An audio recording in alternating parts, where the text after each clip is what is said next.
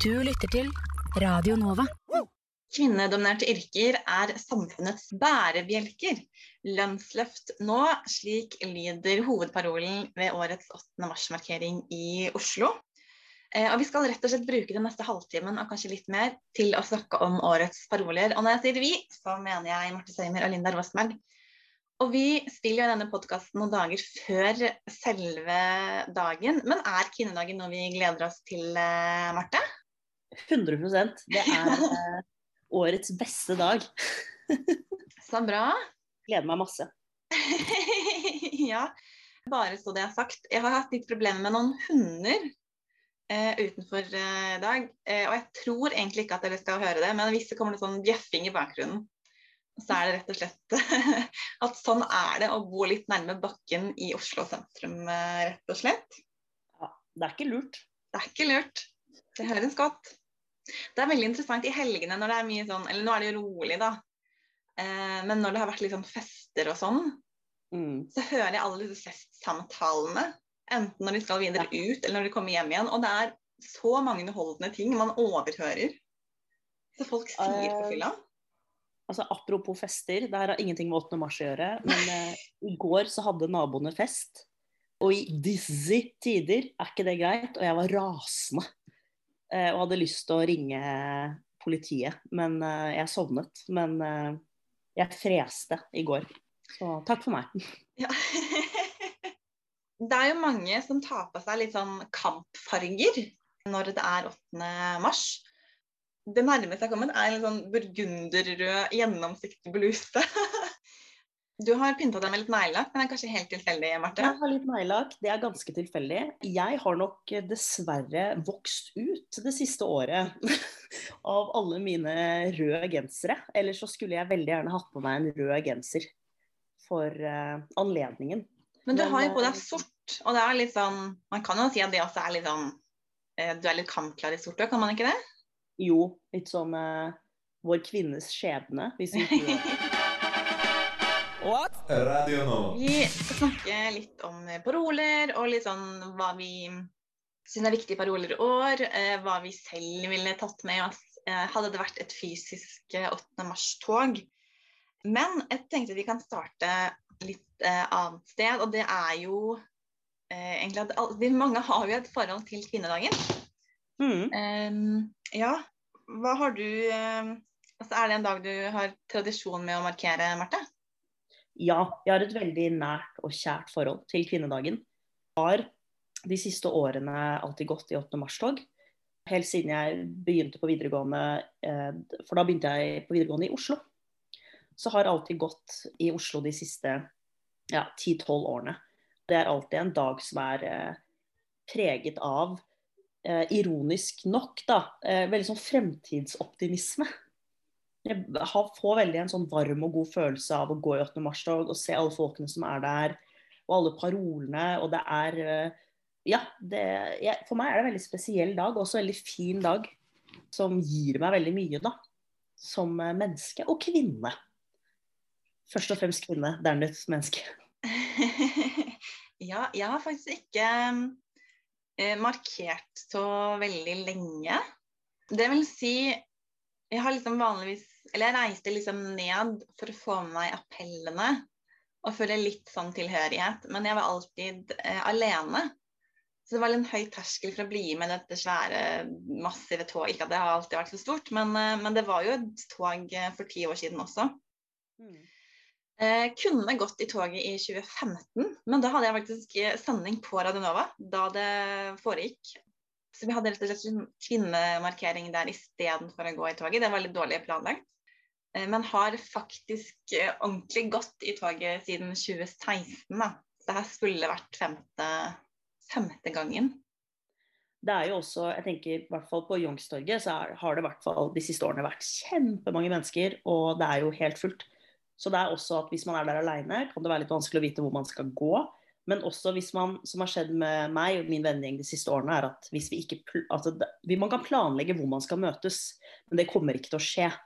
Så det er jo en man må organisere veldig, veldig mye for å møte hverandre. Og man havner mest sannsynlig ikke bak de parolene man ønsker. Det er For det å finne parolene, det er ja. Det er jo da kaoset starter. Det er da kaoset starter. Så ender man på å hoppe inn et eller annet sted, og så kan man jo liksom støtte alle parolene uansett, da. Så ja. Ja. I fjor så var jo 8. mars på en søndag. Og da hadde vi i et eget rom eh, en sånn felles eh, Jeg vil kalle det brunsj. eh, Ja, eller sen frokost. Og det er altså De gangene jeg har gått i tog, så har man jo alltid endt opp et sted etter toget. Og tatt seg et glass og liksom skålt for det man har klart å oppnå, da. Eh, og liksom for hverandre. Men i fjor så gjorde vi det også i forkant. Da spratt vi liksom en flaske med bobler og, og bare hadde en sånn fin samling før. For det blir jo litt sånn kaotisk når man skal ned i sentrum. Og så var vi ganske mange, og vi mistet hverandre flere ganger. Og ting ble jo litt kaotisk eh, da også. Eh, så det er bare liksom roe litt ned før.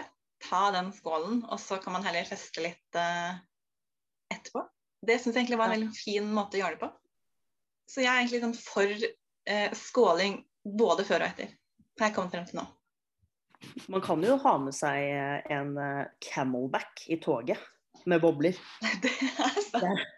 Det kommer jeg på nå. Det er mange, veldig mange muligheter, altså. Så sånn sett kan man, Det har jeg faktisk ikke tenkt på før. Kanskje det er det I år blir det jo ikke sånn, for i år er jo feiringen digital. Men eh, vi får håpe neste år, hvis det blir 8. mars-tog, da skal jeg ha med meg enten en camelback, eller så skal jeg legge inn en sånn eh, treliters vinpose, som da helst bør være halvfull, da, i kanskje en rumpetaske. Og så kan man eh, gønne på i toget også. Det må jo være lov. En annen utfordring da, som jeg kom på nå, og som er Det er, det er jo bitte litt behagelig at det er digitalt i år. Fordi de gangene enten Altså hvis jeg tar med når jeg bare har sett appellen og ikke gått i selve toget, så er det bare ett år jeg har klart å kle meg godt nok. Jeg står alltid og fryser på et eller annet tidspunkt. Ja, Og ja. jeg er noe iskaldt på hendene. Og lærer aldri. Nei, det er et problem. Og man tenker alltid at parolene tar kortere tid enn det gjør. Og så står man på sånn iskald eh, brosteins eh, eh, blir det? Brosteins Det er jo ikke bakke på Youngstorget. Brosteins eh, Plass. firkant. Plass. Og, og fryser i hjel. Men man gjør det jo da for kvinnesaken. Eller kvinnesakene. Så er det noen saker jeg kan fryse for, så er det vel de. Eh, Men det er, det, er, det er logistikk. Eh, Det er jo sånn 17. mai. Det er, eh, det er mye som skal ordnes. Men du som har eh, vært med å markere, markere her siden eh, videregående, Mm. Eh, altså, kommer du fra en familie hvor det her var en greie, eller eh, er det noe du liksom dukket opp på videregående? Jeg, eh, altså, kvinnesaken hjemme hos meg har alltid stått sterkt og alltid blitt snakket mye om. Men jeg kan, vi, jeg kan ikke huske at vi gikk i tog da jeg var liten. Men da jeg da begynte på videregående i Oslo, så ble det en selvfølge at det var bare sånn. At det gjorde man. Eh, og så har jo parolene man har gått bak, eller det man har støttet, også forandret seg gjennom årene.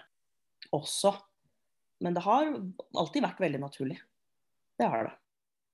Ja, jeg kommer ikke fra et hjem hvor kvinnesak var noe man diskuterte i noen særlig grad. Og heller ikke på videregående. Jeg skal ikke utelukke at det var folk i klassen min som, som gikk i 8. mars-tog. Men det var ikke noe man snakket om, og det var i så fall et eh, stort mindretall som, eh, som gjorde det. Så jeg måtte faktisk begynne på universitetet før det var en sånn Det var noe folk snakket om, og det var noe de var opptatt av. Altså folk rundt meg.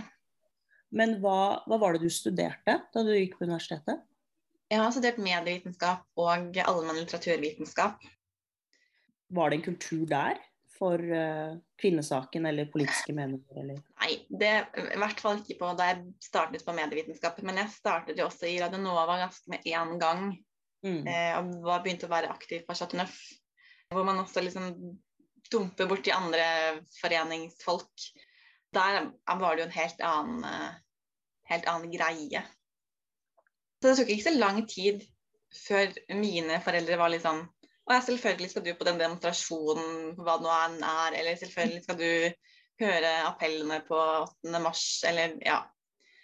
Det tror jeg, de har bare sett på det som sånn Det er sånn man gjør når man begynner på universitetet. UiO er jo også når man ser på hva studenter eh, engasjerer seg for og slikt, så kommer jo som regel på en måte miljøet, bl.a. og kvinnesakene som kommer jo ganske høyt. Så det er kanskje på universitetet man veldig mange har sitt første møte med nettopp det. Vi skal eh, snakke litt om eh, parolene i år, men litt sånn før vi starter eh, på det. Eh, jeg opplever at 8. mars også er en dag hvor man på en måte ser eh, skillelinjene når det gjelder kvinnesak og feminisme i Norge. Mm. Eh, og det er ikke noe nytt.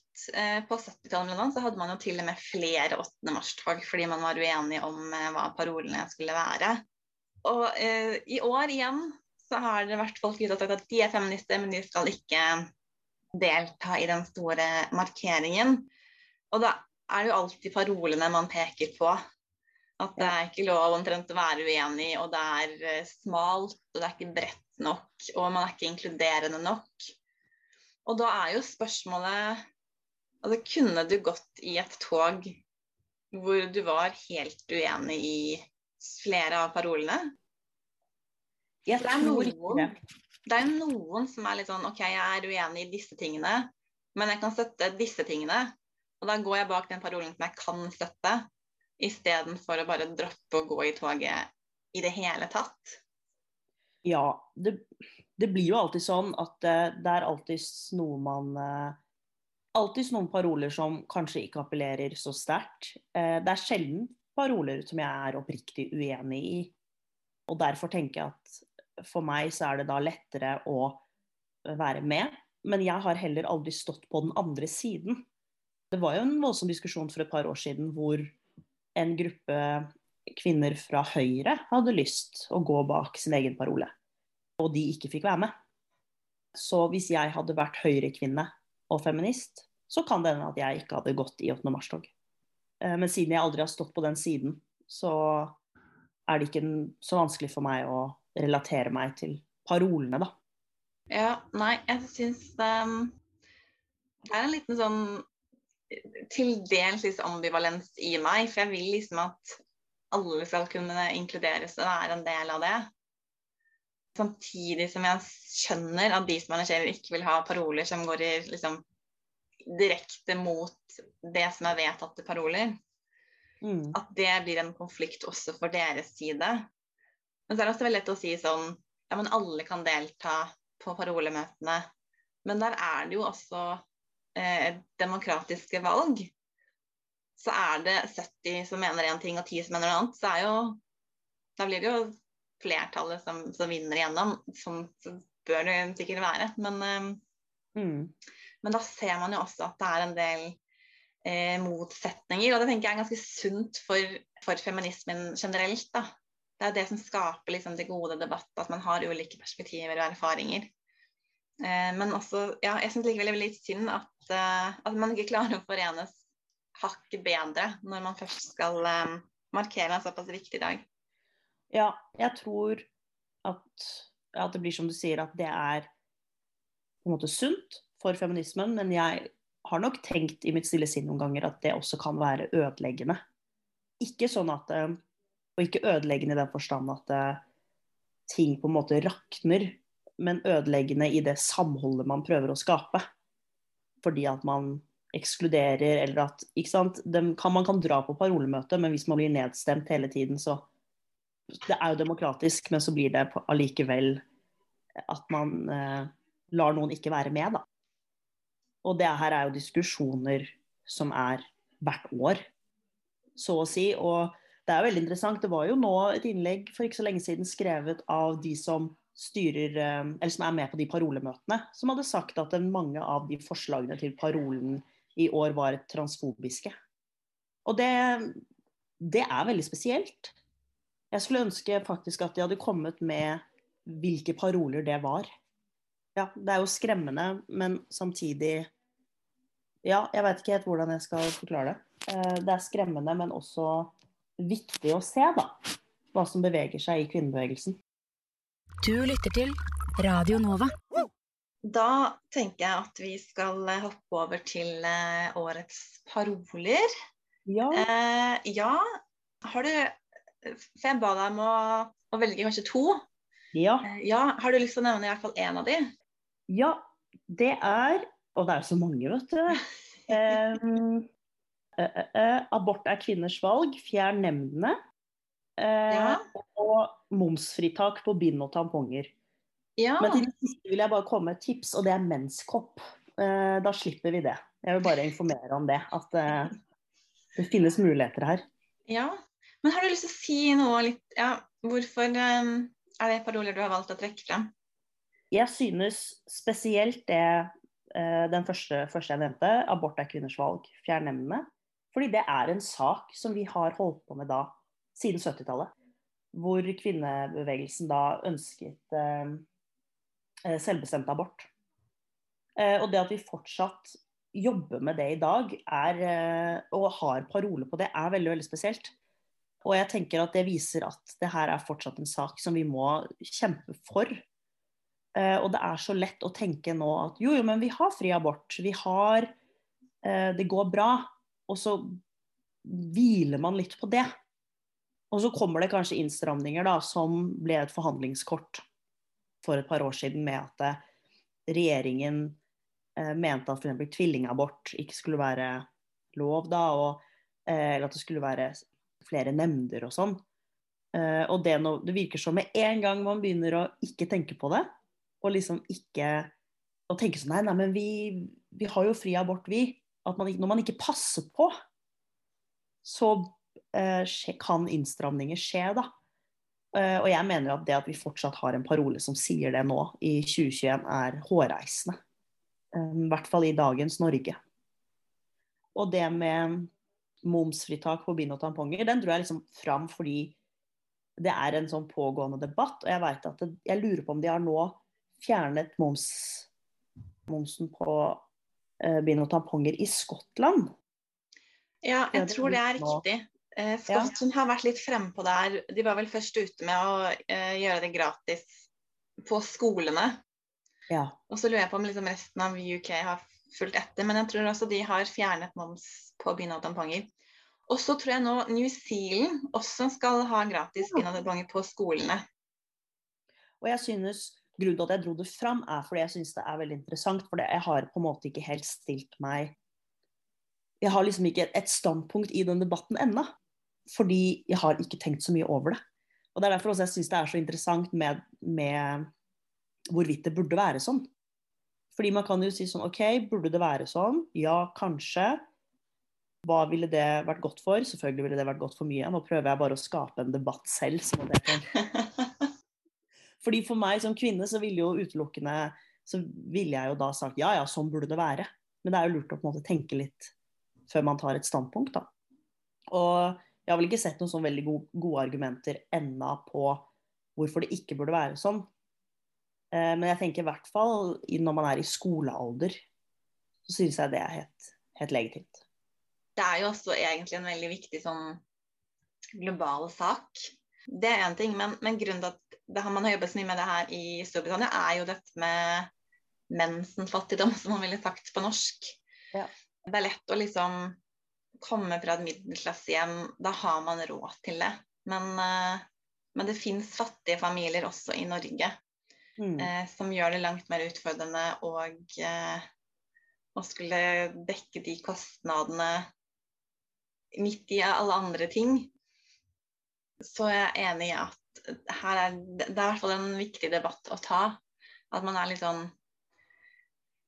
ja, Bare debatten i seg selv er viktig å, å løfte frem, da. Ja, fordi det var jo også noen som sa det at nå er jeg litt på tynn nå er jeg litt usikker på om det stemmer, men jeg lurer på om Viagra kommer på blå resept. Hvis man har ereksjonsproblemer, da, som mann. Og det er jo det veldig mange sier, som hvorfor skal Viagra komme på blå resept hvis man har ereksjonsproblemer? Bør ikke da også bind og tamponger Men Det billigere, da? for å dra den litt lenger. Hvorfor okay. skal. Viagra være greit, men prevensjon og abort skal ikke være greit? Som det også er en del andre Ja. steder i verden. Ja, der sa du det. Det er egentlig Ja, ikke sant. Det er liksom Det ståa. Linda, det er din parole. ja, kanskje det. Det har jeg ikke tenkt over. Men, um, Jeg bare tenker litt sånn på USA. da. Jeg har aldri sett noen demonstrere mot Viagra. Nei, Men det er jo stadig debatt om prevensjon og eh, aborter. Ja, nei, men det USA er jo Herregud, det er jo en historie for seg selv. Men uh, Ja, Ja. ikke sant. Det, der sa du det. Eh, jeg har gått litt bredere ut eh, og sett litt på verden vinner med utdanning til alle jenter og eh, kvinner. Fordi det er så viktig med utdanning, og det er så mange som ikke får den muligheten. Eh, og nå vet jeg ikke hvor oppdaterte disse tallene er, men UNESCO har i hvert fall anslått at 130 millioner jenter mellom, 16, nei, mellom 6 og 17 år ikke går på, på skole.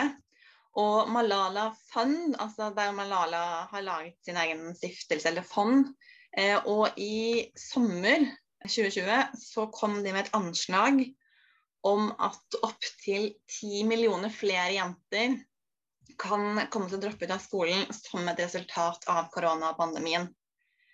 Og så vet man jo samtidig at eh, jenter som utdanner seg, de gifter seg senere og får færre barn. Eh, de blir ikke økonomisk avhengig av andre mennesker, i hvert fall i langt mindre grad. Og man har også sett globalt sett at jenter som får utdanning, de er mindre utsatt for vold i hjemmet. Så det er et sånn utrolig viktig eh, tiltak for likestilling. Og så ser Mm. man jo også at kultur eh, og fattigdom gjør jo veldig ofte at det er gutter som prioriteres. Særlig hvis det er bare noen barn som får lov til å, å gå på skole. Eh, vi vet at mensen er et kjempeproblem, og en årsak til at veldig mange jenter må slutte på skolen. Eh, ikke, fordi de ikke har ting de kan eh, Og de har ikke noe bind eller tamponger på noen måte. Det er ikke vann, det er ikke trygge toaletter hvor de kan skifte eller vaske seg. Så det også spiller litt inn i dette med, dette med skole. Det er vel Foreningen for internasjonale vannstudier har kommet med et tall, og det er at 500 millioner kvinner verden over mangler fasilitetene trenger under mensen.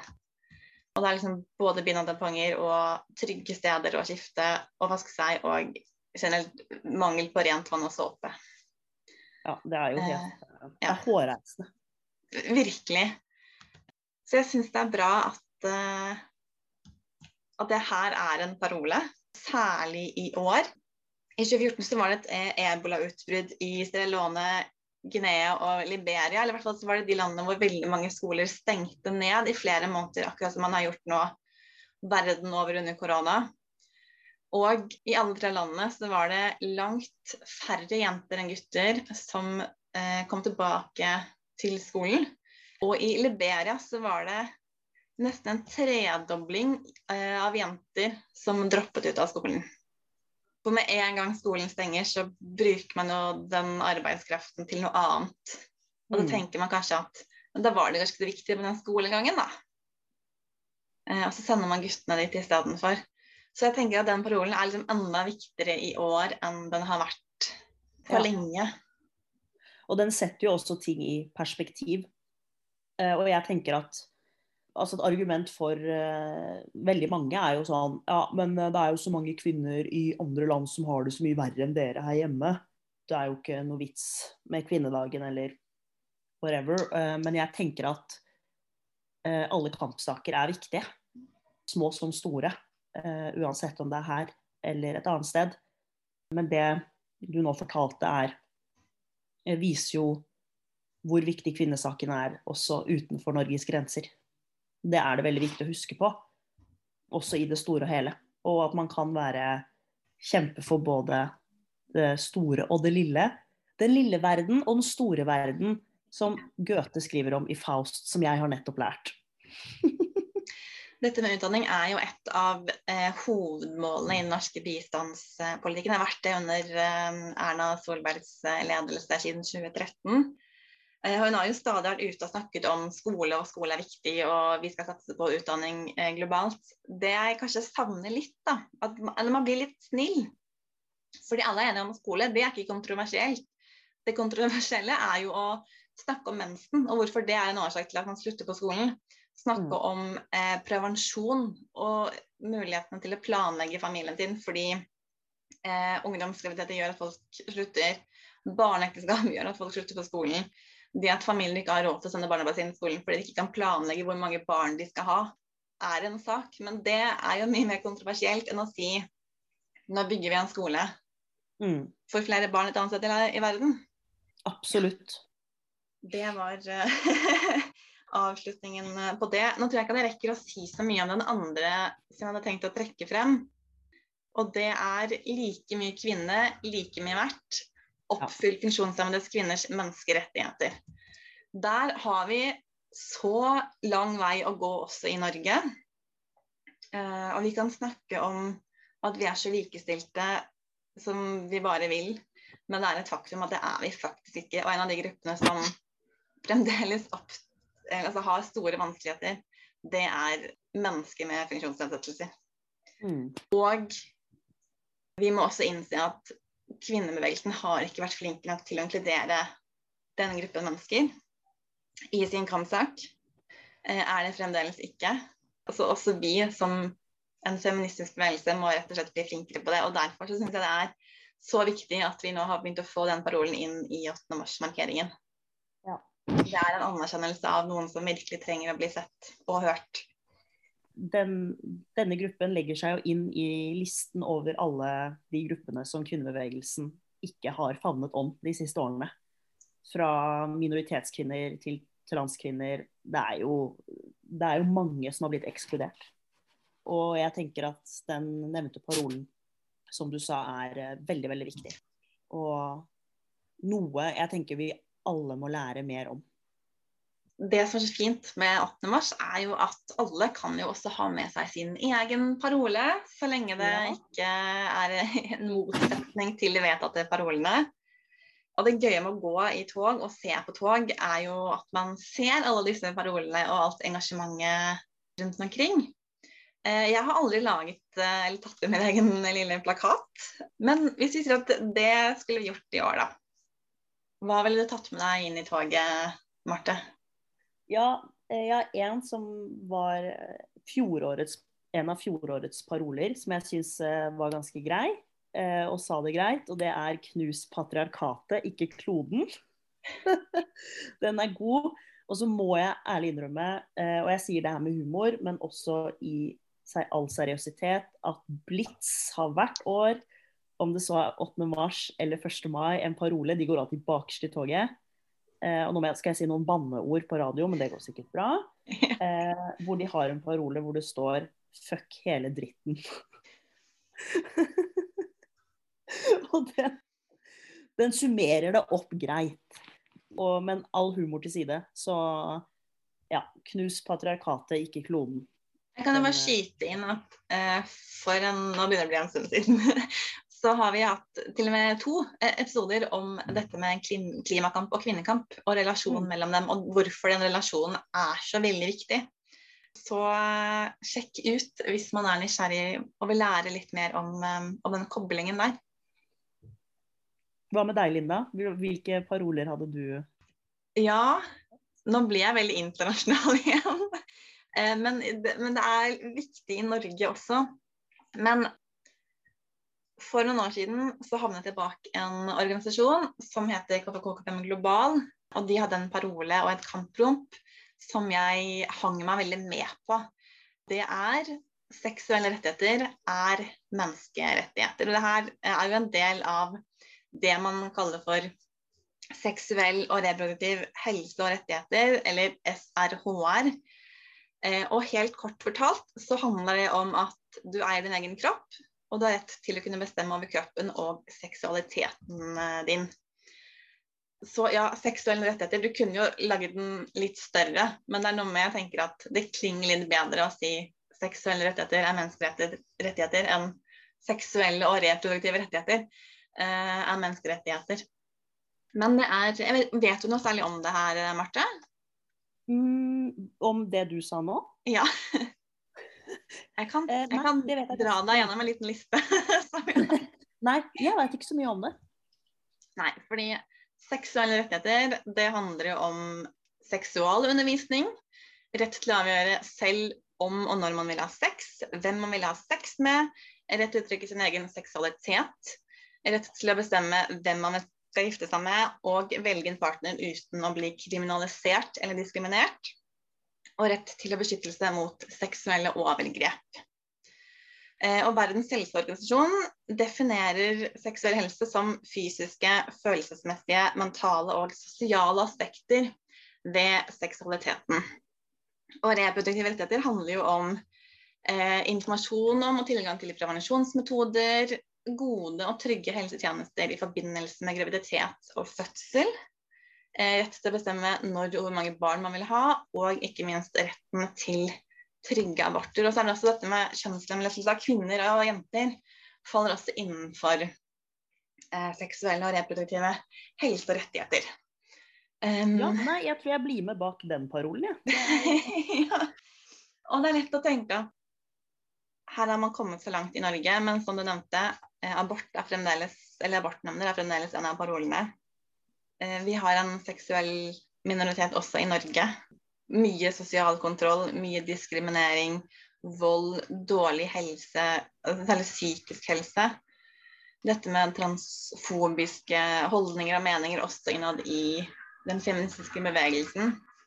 Vi er åpenbart eh, ikke kommet langt nok heller i Norge, selv om dette kanskje først og fremst er en, en av de store globale sakene.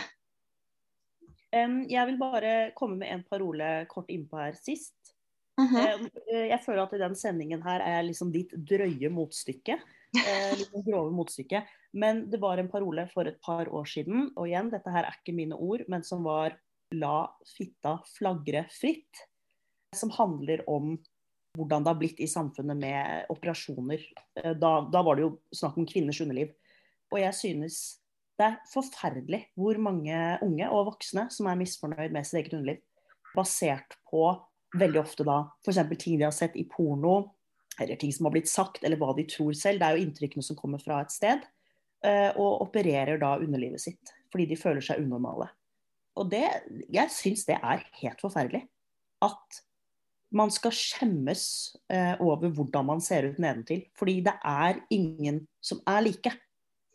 Det er ikke sånn at man skal se ut som en Barbie-dukke, eller man skal ikke se ut som nedentil som man gjorde når man var fem når man var fem år. Det er ikke sånn det er. Og, det, eh, og jeg husker da den parolen kom, jeg husker ikke hvilket år det var, kanskje 2016-2017 eller noe sånt, eh, hvor det var sånn wow.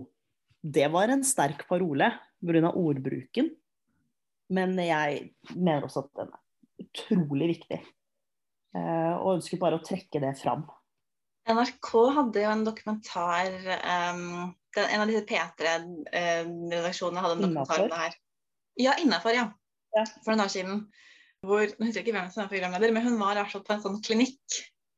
Mm. Hvor de på en måte skulle vurdere henne, og konklusjonen var du er egentlig helt normal, men det er mulig å fikse det likevel hvis du ønsker det. Ja. og så var det sånn Men det henger jo ikke sammen. Men De tjener jo penger på å gjøre det, men likevel, da. Og så er det jo sånn, hvis man ikke ser ut som en Barbie-dukke, da, eh, som blir mitt utgangspunkt i det her, så vil det alltid være noe å fikse på. Og ja, vi må normalisere hvor forskjellig, man ser, hvor forskjellig underliv er. Om det så gjelder kvinner og menn. Det er forskjellig størrelse på kjønnslepper, akkurat som det er forskjellig størrelse på peniser. Altså det er Ja, og det er eh, Ja, jeg er veldig opptatt av det. At det skal man ikke skjemmes over. Eh, og jeg tror det er veldig viktig at eh, det snakkes om som alt annet. jeg tenker Det henger jo veldig sammen med denne ideen at man skal jo se ut som man omtrent ikke har vært i puberteten. Ja. Man skal liksom ikke ha noen hår noen steder. man skal se veldig sånn, sånn og sånn ut som alle andre. Mm. Ja. Og jeg veit at det er, det er vanskelig å skille seg ut. Men jeg har hørt uh, for ikke så lenge siden at det var en uh, venninne som fortalte meg at hun hadde opplevd at noen sa til henne at hår på kroppen hos kvinner var ekkelt. Og da, jeg, altså jeg, blir, jeg blir så sjokkert, og så vet jeg ikke om det er jeg som lever i en boble hvor jeg har venner, eh, både mannlige og kvinnelige, som ikke har noen spesielle tanker om det. Men det Nei, det Jeg syns det faktisk er skremmende hvordan man som menneske tror man skal se ut, da. Det blir jo en veldig sånn kampsak. Eller det er litt sånn eh, Du ser det på de som er litt eh, Hvis vi ser på kjendisene, hvis det er noen som ikke har barbert seg under armene f.eks., mm. og opptrer, så blir det jo det som blir fokuset, og ikke opptredenen eller hva det nå gjør. Og noe de skal liksom diskutere og snakke for og forklare. Eh, og det er aldri en gyldig grunn å si sånn Nei, men det gadd jeg ikke gjøre. Ferdig snakka. Fordi at det er et så tydelig statement, da. Og at det skal definere deg som at om du velger å ikke ha hår og er mann, så skal det definere deg som mann. Eller om du velger å ha hår og er kvinne, så skal det definere deg som kvinne. Eller definere om du er sexy eller ikke. Eller pen eller ikke. Det, altså- ja, nå gikk vi over på hårvekst her, da. Fra kjønnsoperasjoner. Men uh, jeg er veldig for at vi må normalisere at alle ser forskjellige ut. Og det er greit. Det skal det være. Ja, jeg tror vi bare kort oppsummert kan si at nå har vi flere ganger liksom demonstrert at ja, det er behov for en internasjonal kvinnedag også i 2021. Ja, absolutt. Ja. Som sagt, vi spiller jo inn litt, uh, litt tidligere enn selve dagen. Og det er så mange ting som foregår rundt omkring. Veldig mange arrangementer skal også være tilgjengelig i etterkant. Eh, så min anbefaling eh, denne gangen, det er rett og slett å gå ut i sosiale medier, finn frem alle disse arrangementene og ja, se hva som vil være tilgjengelig ikke. Veldig mange vil jo krasje eh, overlappe med hverandre. Men eh, absolutt gå ut og se hva som skjer. Og jeg kan bl.a., eh, hvis man har lyst til å få med seg noe som jeg tror kan bli veldig spennende, Studentsamfunnet i Trondheim de skal ha en slags lunsj med Sumaya Hva heter hun for det? Sumaya Jirde Ali. Norsk-somalisk eh, kvinne. Veldig viktig, i, eh, i, viktig stemme i likestillingsdebatten, særlig med tanke på det at hun har en minoritetsbakgrunn. Og hun har fått enormt mye hets og trusler knyttet til at hun er muslim, hun er brun i huden og hun går med hijab.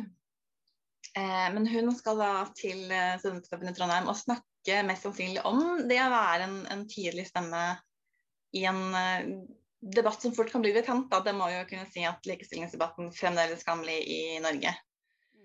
Så Nå vet jeg ikke helt hva jeg skal snakke om, men jeg vil eh, anta at det kan bli en veldig spennende samtale klokken tolv på, på 8. års. Og den tror jeg også skal være tilgjengelig i etterkant, hvis man ikke kan eh, få det med seg. Magasinet Altså har lagt ut også en eh, oversikt på sin Instagram-side om uh, forskjellige ting som skjer 8. mars, som man kan være med på online. Så det anbefaler jeg til alle våre lyttere, til alle våre millioner av lyttere der ute, å sjekke ut. Jeg tenker at det blir, um, det blir et fint punktum på podkasten vår. Uh, du har altså hørt Marte Sveimer og Linda Rosenberg. Og vi er tilbake igjen om en ukes tid, kanskje, med noe annet feministisk eh, snakk. Absolutt. Mm. Vi, vi lyttes. ja, det gjør vi. Eh, og så må dere kose dere, alle som hører på, på 8. mars. Og ja, eh, hev et glass skål for det vi har fått til, og eh, hev stemmen for det man fremdeles ikke har fått til. Here, here.